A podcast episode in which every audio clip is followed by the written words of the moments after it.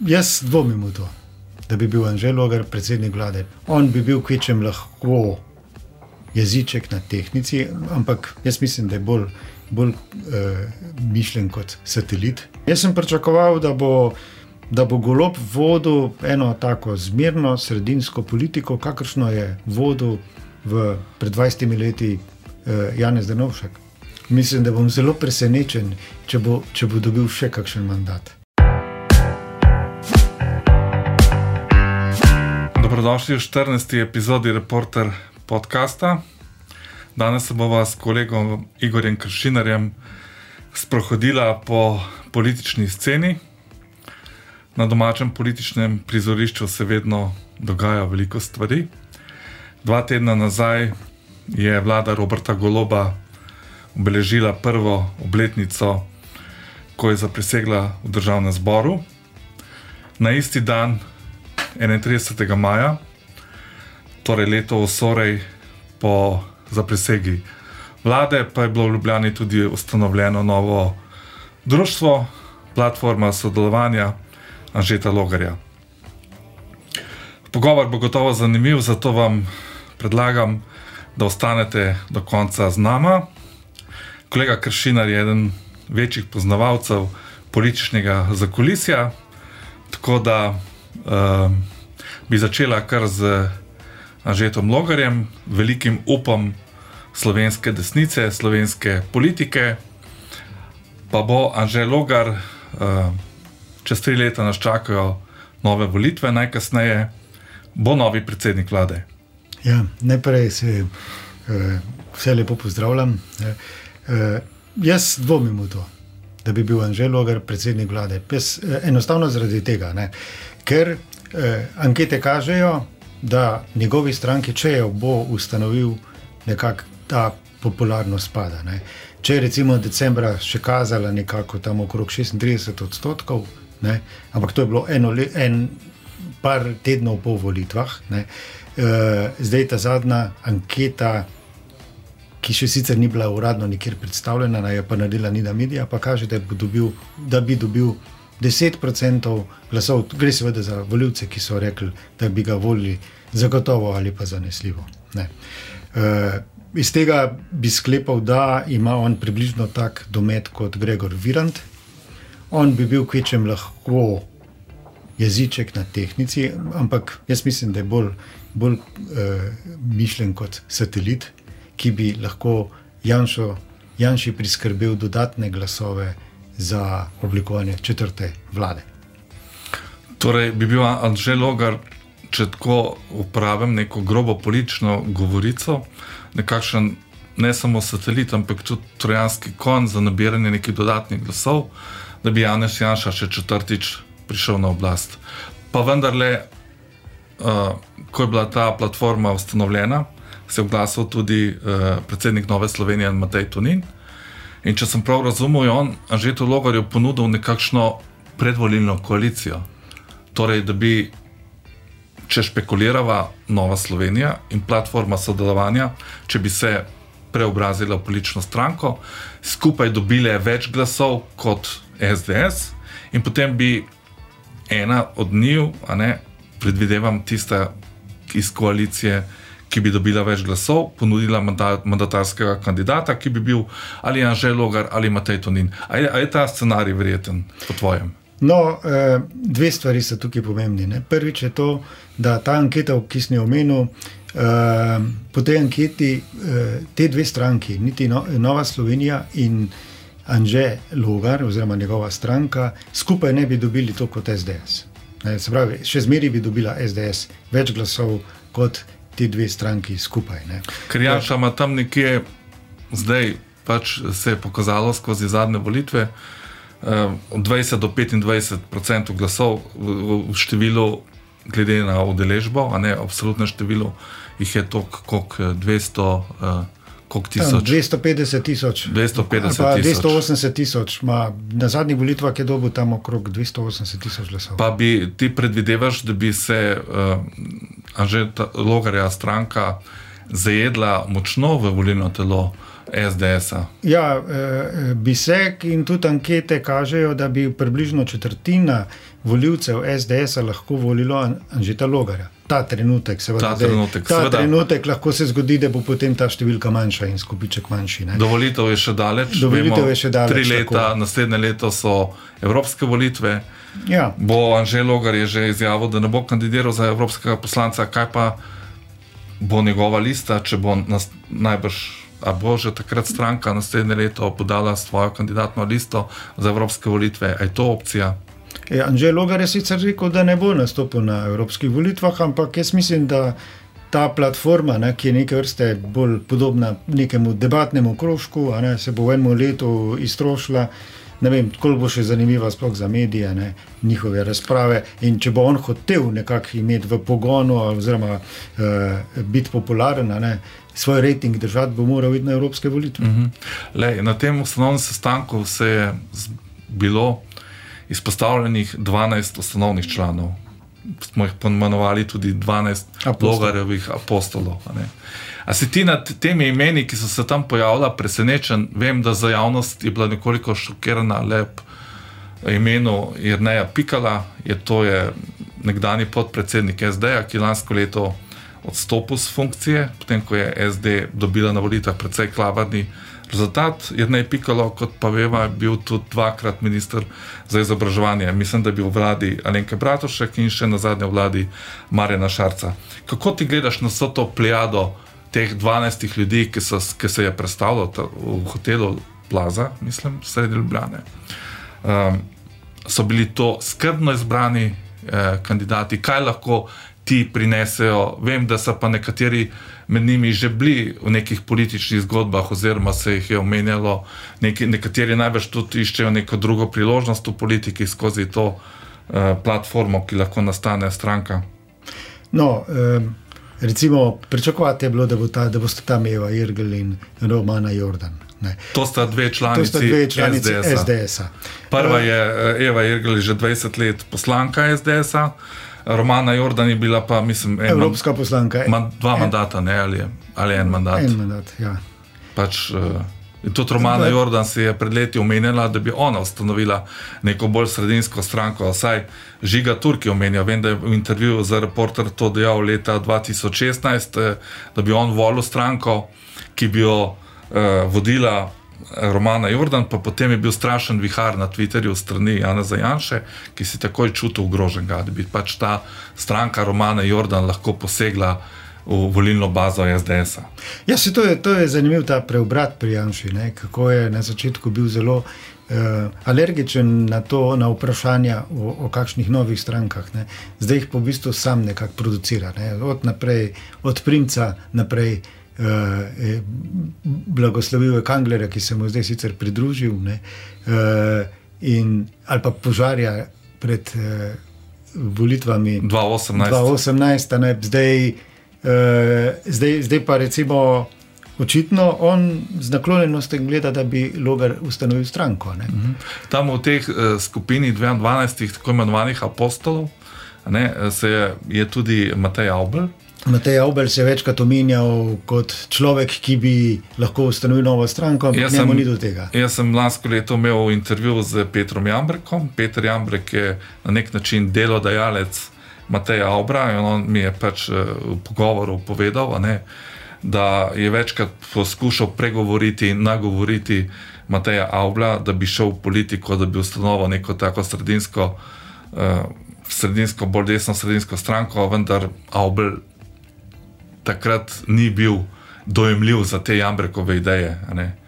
Zdaj pa očitno, če se bo tale uh, platforma preoblikovala v stranko, ne, ni, ni, ni pa izključno, da bodo vsi ustanovitveni člani šli v stranko. Jaz sem prepričan, da celo večina ne bo šla v novo Da stranko. večina ne bo šla. Zato, ker to so ljudje iz civilne družbe. Ne. E, Tam, si ne, pred- tam sta recimo dva direktorja, dva gospodarstvenika, tam je ekonomist Mastin. a ne. Pole Mhm. recimo je. Ker je ekonomist Masten se je pojavljal uh, na okroglih mizah Nove Slovenije, ne v preteklosti. Ja, ne. ja.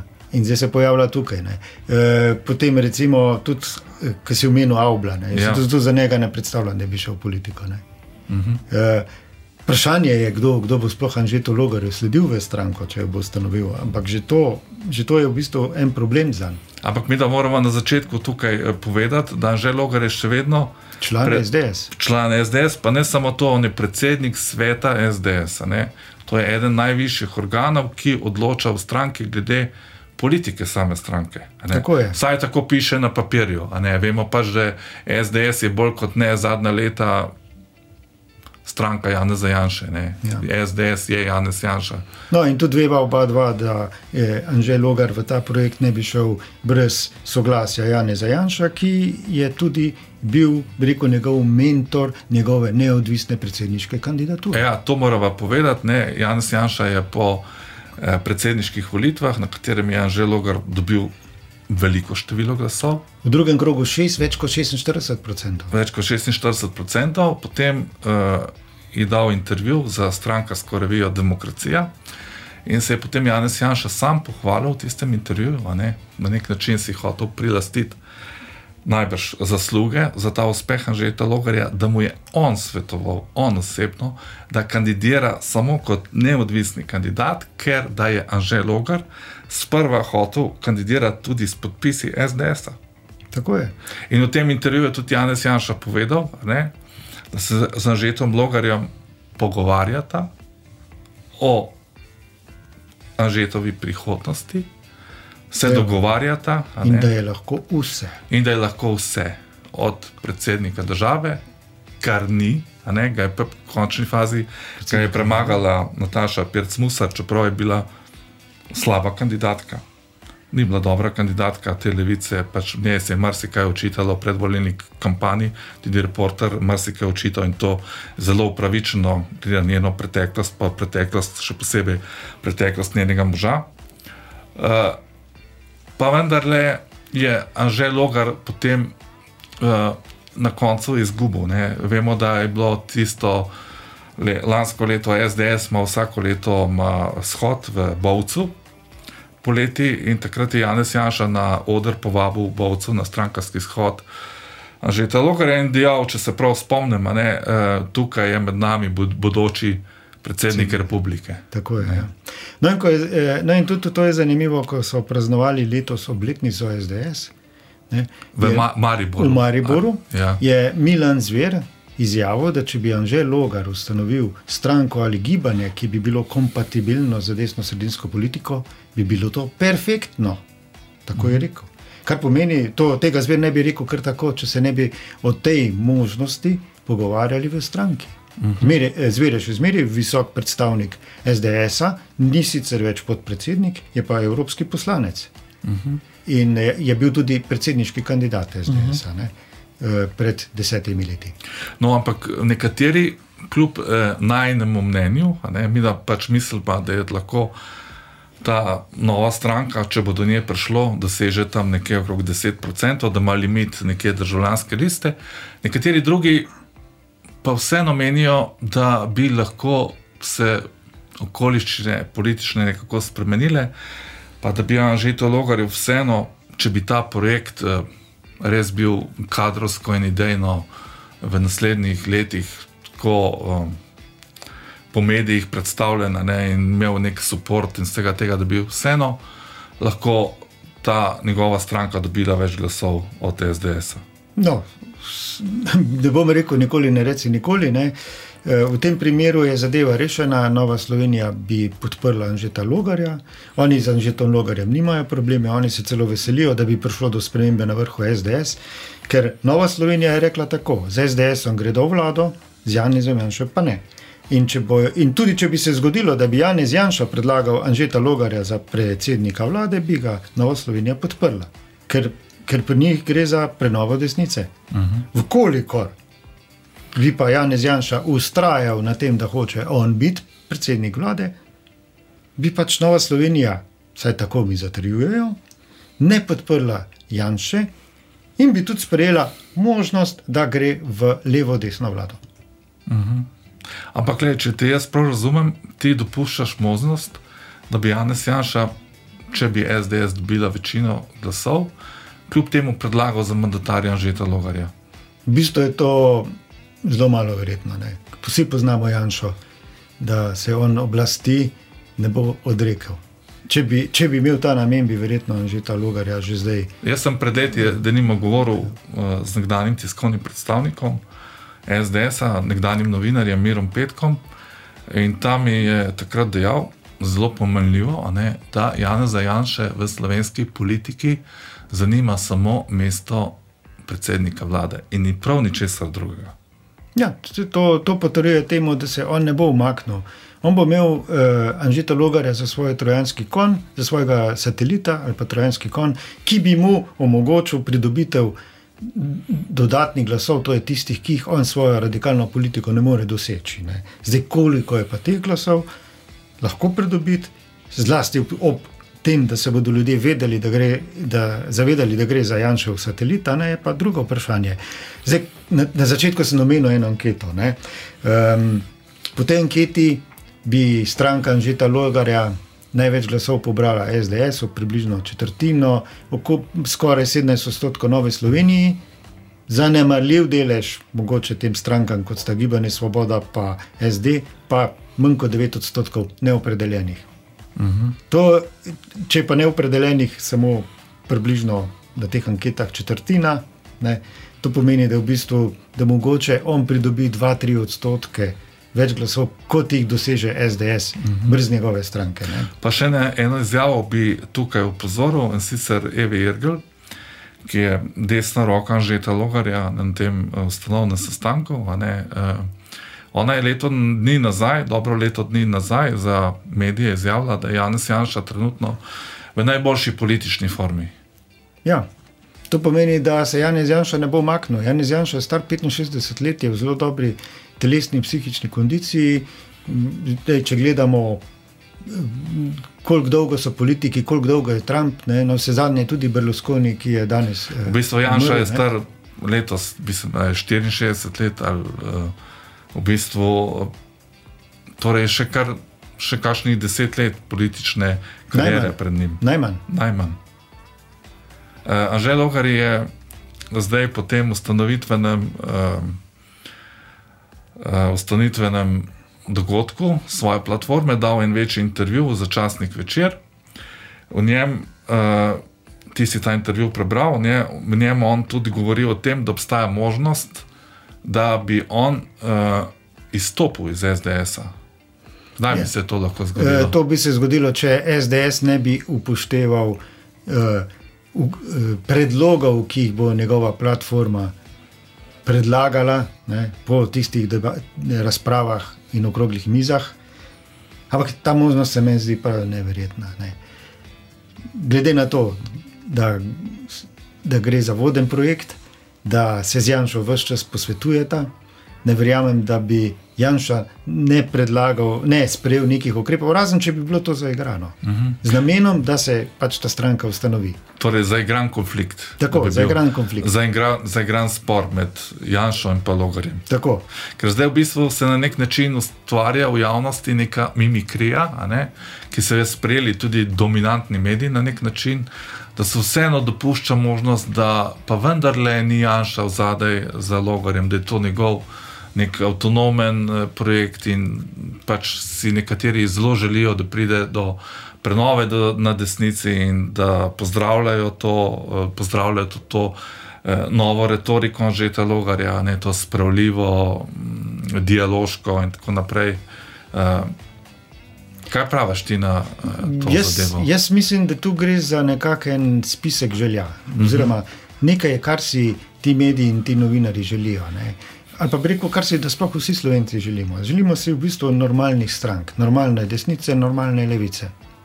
In, in to, kar počne Janez Janša, to je neka radikalna, razdiralna eh, eh, politika, ne, ki je mogoče všeč samo tistim njegovim najbolj trdim privržencem. Uh, zgodba bi bila povsem drugačna, če bi bil na čelu SDS, uh, uh, recimo Logar. Stranka bi bila drugačna. Že zaradi tega, ker, ker je on drugačen, ker v bistvu nekako stranko determinira njen voditelj. Ne?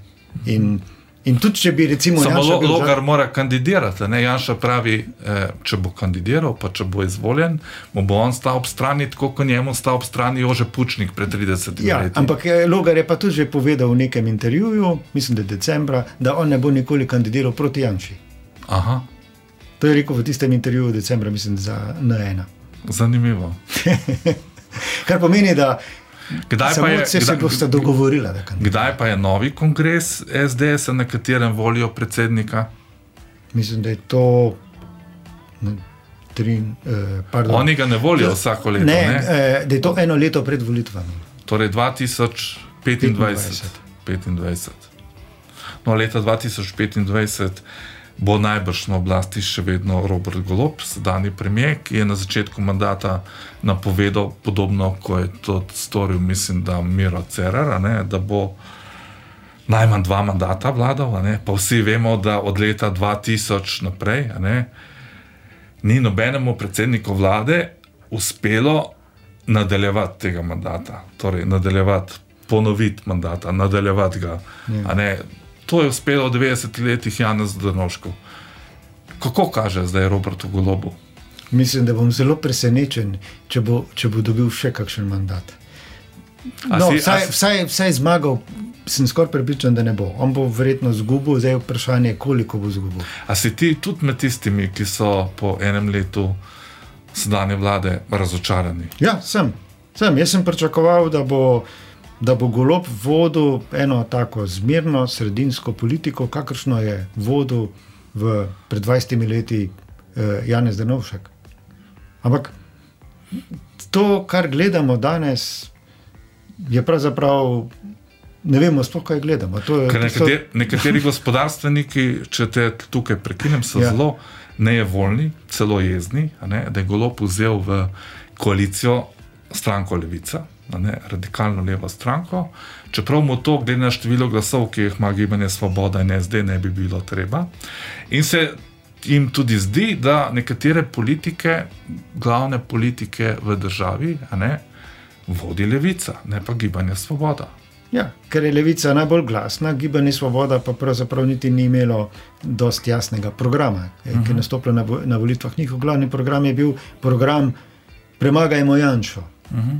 E, sicer je govoril golo potem, da bomo delali malo levo, malo desno politiko, ampak jaz ne vem, nič, nič desnega ne vidim. Jaz vidim uh -huh. samo levo politiko.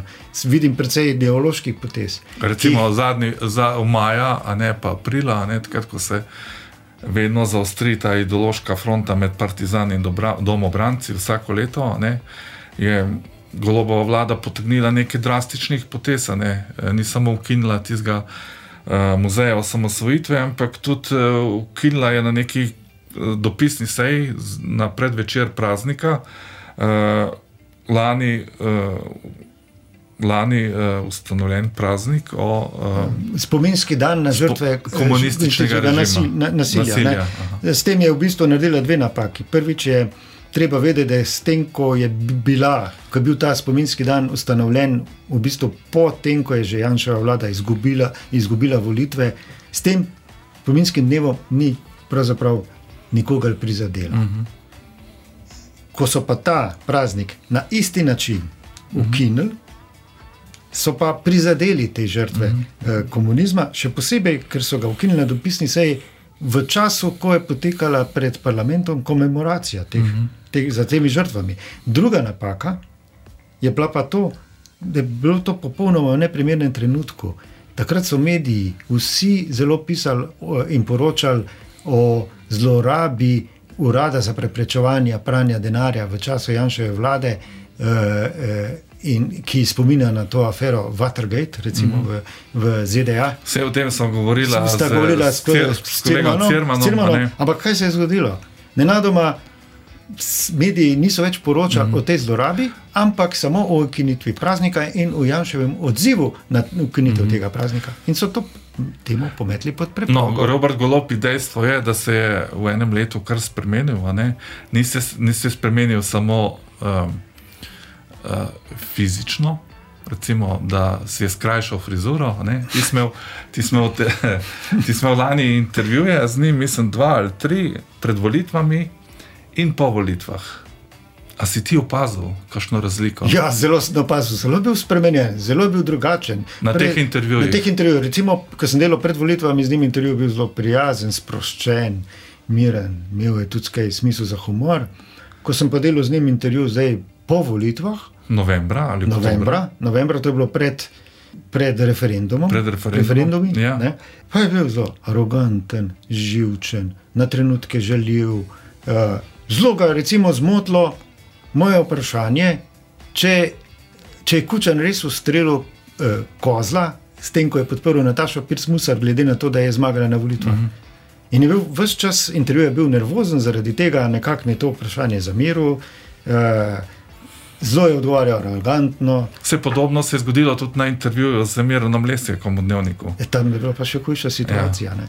Torej, On... Zdaj je leto obsore, Robert Golop ne daje več nobenih intervjujev medijem, oziroma si sami snemajo intervjuje o gibanju Svoboda z njim, če temu lahko sploh pravimo intervjuje. E, no, kolega Kršinar, pa bila kar izčrpna danes. Ne, e, Jaz uh, se vam zahvaljujem, da ste zdržali do konca. Imam pa še eno prošnjo. Veliko vas gleda preko kanala YouTube. Uh, nič vas ne bo stalo, če stisnite v desni kot spodaj pod videom uh, subscribe tipko, torej da se naročite na naš video. Uh, spremljate lahko nas pa tudi na audio kanalih na Appleovi platformi, Googleovi in Spotifyjevi. Do naslednjič, uh, nasvidenje. Kolega Kršina, pa hvala. Hvala enako, nasvidenje.